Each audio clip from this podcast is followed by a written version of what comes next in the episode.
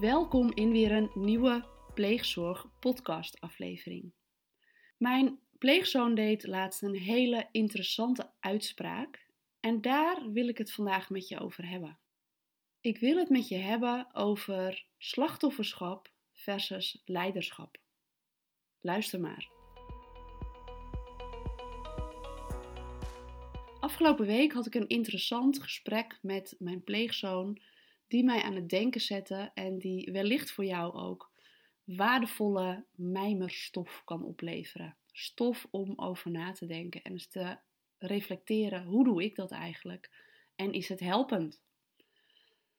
Mijn pleegzoon is net begonnen aan zijn HBO-studie, social work, en in dat kader moest hij zichzelf voorstellen aan de klas.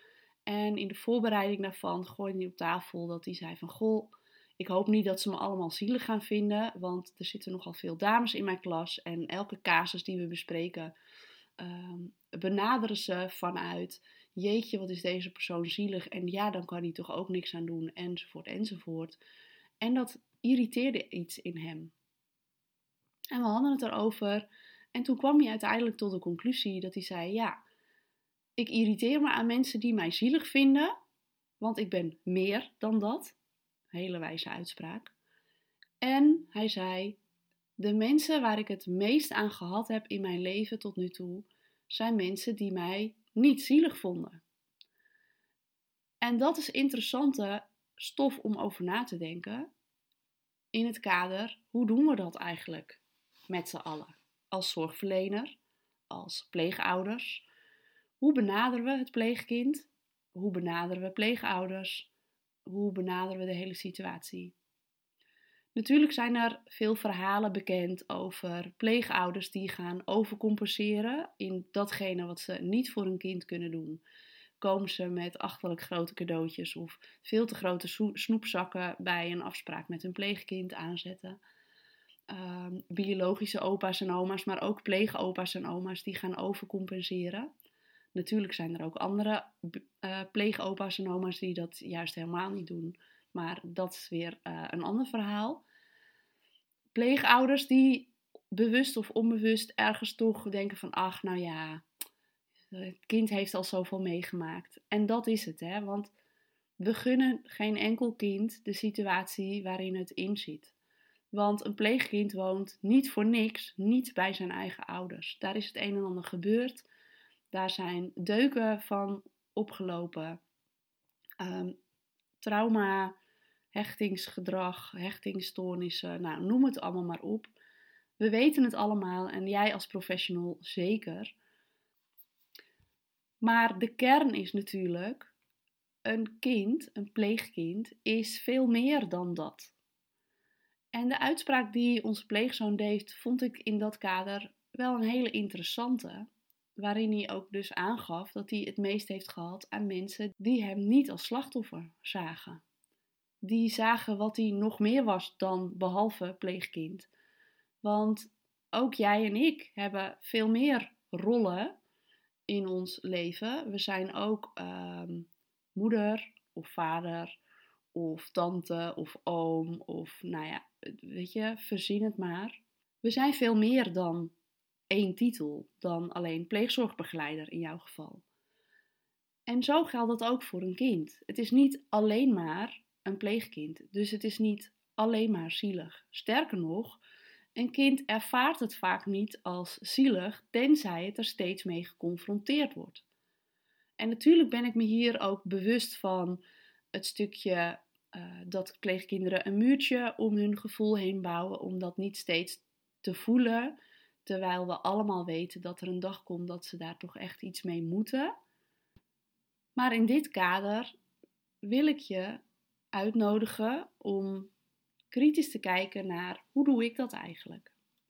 En dan niet alleen richting het pleegkind, want voor het pleegkind is het vanzelfsprekend belangrijk dat je een kind ziet in zijn geheel, dat je luistert naar wat het wil delen en dat je niet altijd inzoomt op dat ene aspect, namelijk pleegkind zijn.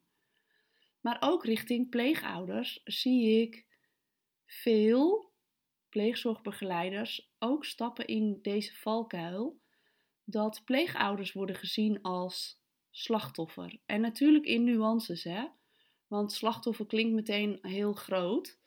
Maar ergens zie ik vaak een neiging vanuit pleegzorgbegeleiders dat ze dingen regelen, dingen doen, taken op zich nemen om pleegouders te ontlasten. Want ze doen al zo belangrijke taken en ze hebben het al zo zwaar. Want ze moeten met dit pleegkind, met het rugzakje, dealen in een normaal gezin. Ze moeten met dit uh, pleegkind met zijn rugzakje naar therapie. Ze moeten met dit pleegkind uh, naar diverse afspraken met biologische ouders. En er wordt veel van ze gevraagd. Dat klopt. Maar de vraag is: hebben zij er iets aan als jij hier en daar een taakje van ze overneemt? En heb jij er iets aan om dat hier en daar te doen? Wat helpt deze pleegouders structureel om hun verantwoordelijkheid te dragen? En wat helpt jou om daar impact in te maken? En ja, daar komt hij weer, want dit roep ik wel vaker in mijn podcast. Ik denk dat jij meer impact kan maken door een stap achteruit te doen en op een veel dieper level te doen wat pleegouders helpt. Veel dieper advies te geven, want ik zie jou als de expert. Aangezien jij dicht bij het pleeggezin staat, denk ik dat jij veel meer impact kan maken en dat het veel minder vaak nodig is om een therapeut op een pleeggezin te zetten. Simpelweg omdat jij en kennis hebt en het pleeggezin al goed kent, waardoor je veel sneller de diepgang kunt opzoeken. Maar dat kun je niet op het moment dat jij allerlei taken op je hals haalt, die eigenlijk niet bij jouw takenpakket horen. En voor de langere termijn help je pleegouders er ook niet mee om hier en daar wat hapsnap dingetjes voor ze te regelen die ze prima zelf kunnen regelen. Zoals een vraag stellen aan biologische ouders. Zoals ehm, een vraag stellen aan de voogd.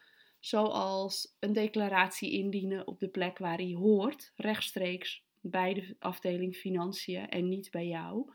En tuurlijk, het zijn allemaal van die kleine dingetjes dat je zegt: ach joh, kost nauwelijks tijd. Ik stuur dat mailtje door en het is geregeld. Maar op het moment dat je daar even inzoomend op een financiële uh, of op een declaratie van pleegouders.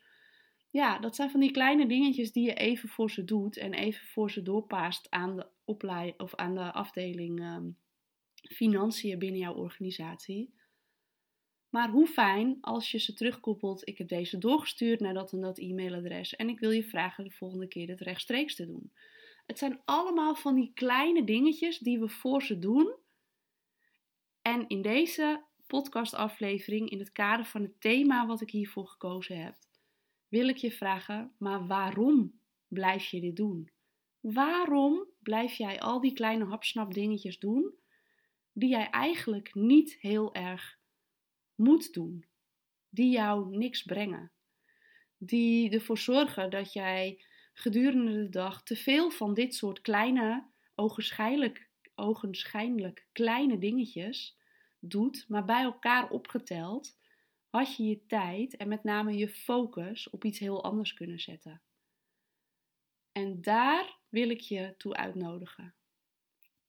Waar zie jij pleegkinderen of pleegouders nog te veel als slachtoffer waardoor je denkt: ach, dat doe ik even voor ze. En waar kun je, door dat niet meer te doen, veel meer impact maken? Laat het me weten. Ik ben heel benieuwd waar de valkuilen zijn die je herkent in deze aflevering.